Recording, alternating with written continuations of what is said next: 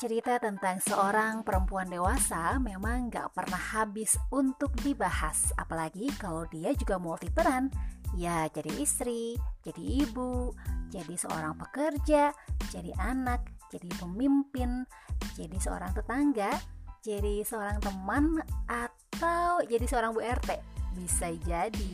Makanya banyak banget nih hal yang bisa diobrolin dari mulai karir, kesehatan, keuangan, keluarga sampai percintaan atau masa depan. Seru banget kan? Yuk kita obrolin bareng-bareng barengan podcast Celoteh Ambu.